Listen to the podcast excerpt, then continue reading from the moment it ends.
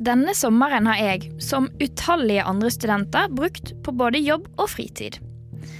Jeg har til og med hatt to jobber i sommer, så jeg har ekstra mye penger som jeg kan bruke gjennom det kommende semesteret. Men jobbing er jo ikke det eneste jeg har gjort i sommer. Sammen med venner har jeg gått på museum, vært på konsert og generelt sett bare kost meg på kafé og restaurant. Jeg var på frisørsalong for å fikse håret, og fikset neglene mine på en skjønnhetssalong. Når været tillot det, så gikk jeg gjerne både korte og lange turer mens jeg hørte på lydbok. Men nå er semesteret i gang for fullt med pensumbøker, kollokviegrupper og forelesninger. Jeg har bare to år igjen før jeg får fullført min mastergrad og skal videre inn i arbeidslivet. Alt dette gjør jeg uten å tenke meg om. Jeg tar det for gitt at jeg kan fritt bevege meg rundt, bruke penger der jeg sjøl ønsker det, jobbe innen det jeg brenner for, og i stor grad gjøre det jeg føler for. Men om vi reiser nesten 5000 km sørøst fra Oslo, finner vi landet Afghanistan. Dette er et land med en rik kultur og en nokså komplisert historie. I august for to år siden trakk USA sine siste militære tropper ut av landet og de endte så sin 20 år lange militære tilstedeværelse. Denne uttrekningen har i senere tid blitt kritisert av mange internasjonale aktører som mener at den ble gjort forhastet og resulterte i et maktvakuum. Dette maktvakuumet var Taliban raske med å utnytte. De fikk etter en rask kamp makten og styrer nå landet med jernhånd. I løpet av de to siste årene har Taliban snevret inn på kvinners rettigheter og hva de kan gjøre med livene sine. Det startet med at kvinner ikke fikk lov til å ha politiske roller, og ikke fikk jobbe i de fleste jobber innenfor offentlig sektor, som bl.a. dommer i rettssaler.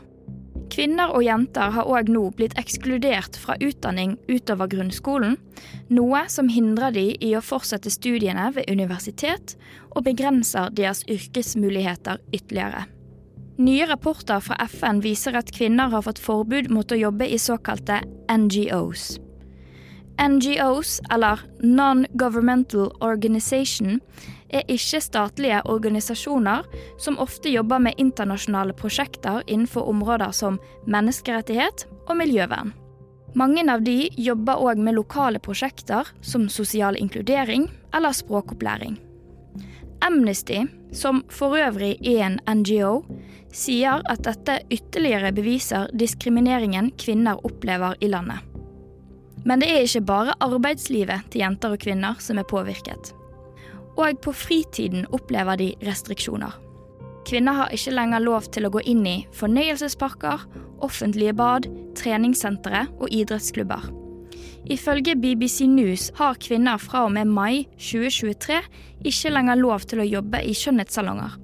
Og alle skjønnhetssalonger fikk beskjed om å stenge innen 2. august.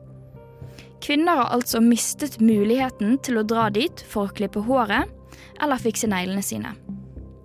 Anonyme kilder forteller til BBC at de ble sjokkert da de hørte nyhetene, og at skjønnhetssalonger var et av de siste offentlige stedene kvinner kunne møte andre kvinner uten en stor tilstedeværelse av menn.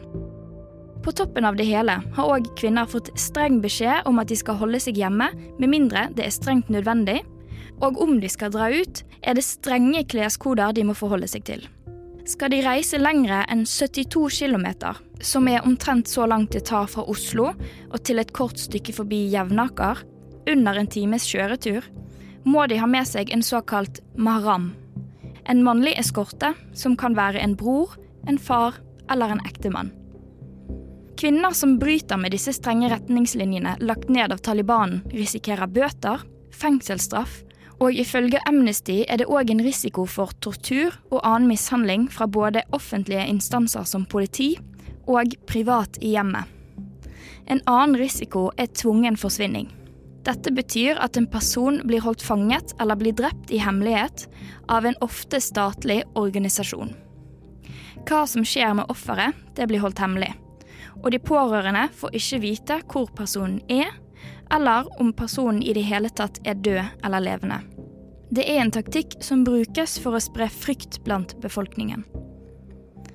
Resultatet av alle disse byrdene og restriksjonene plassert på kvinnene sine skuldre, er en stille mental helsekrise i landet. En anonym psykolog forteller til BBC at omtrent ti kvinner ringer hver dag og sier at de sliter med suicidale tanker, depresjon og angst. FN anslår at én av to personer de fleste av de kvinner, led av psykologiske plager allerede før Talibans maktovertagelse i 2021. Det er nå fryktet at situasjonen utvikler seg til å bli verre enn noen gang, pga. Taliban-regjeringens inngrep mot kvinners friheter og den økonomiske krisen i landet. Amnesty påpeker at for å hjelpe kvinnene i Afghanistan er det viktig med internasjonalt press. Amnesty mener Taliban-regjeringen må holdes strafferettslig ansvarlig, ettersom de bryter med kvinners menneskerettigheter, og mener det trengs en mer robust respons enn det har vært fram til nå. I oktober skal FN holde en sesjon i FNs menneskerettighetsråd, som er en viktig arena hvor stater, eksperter og internasjonale organisasjoner kan diskutere situasjonen i Afghanistan og de mulige følgene det skal ha. Fram til da får vi forsøke å holde liv i debatten, trekke fram disse kvinnene og huske de når vi går disse kalde månedene i møte. Reporter i denne saken var Lise Benus. Musikken var hentet fra Blue Dot Sessions.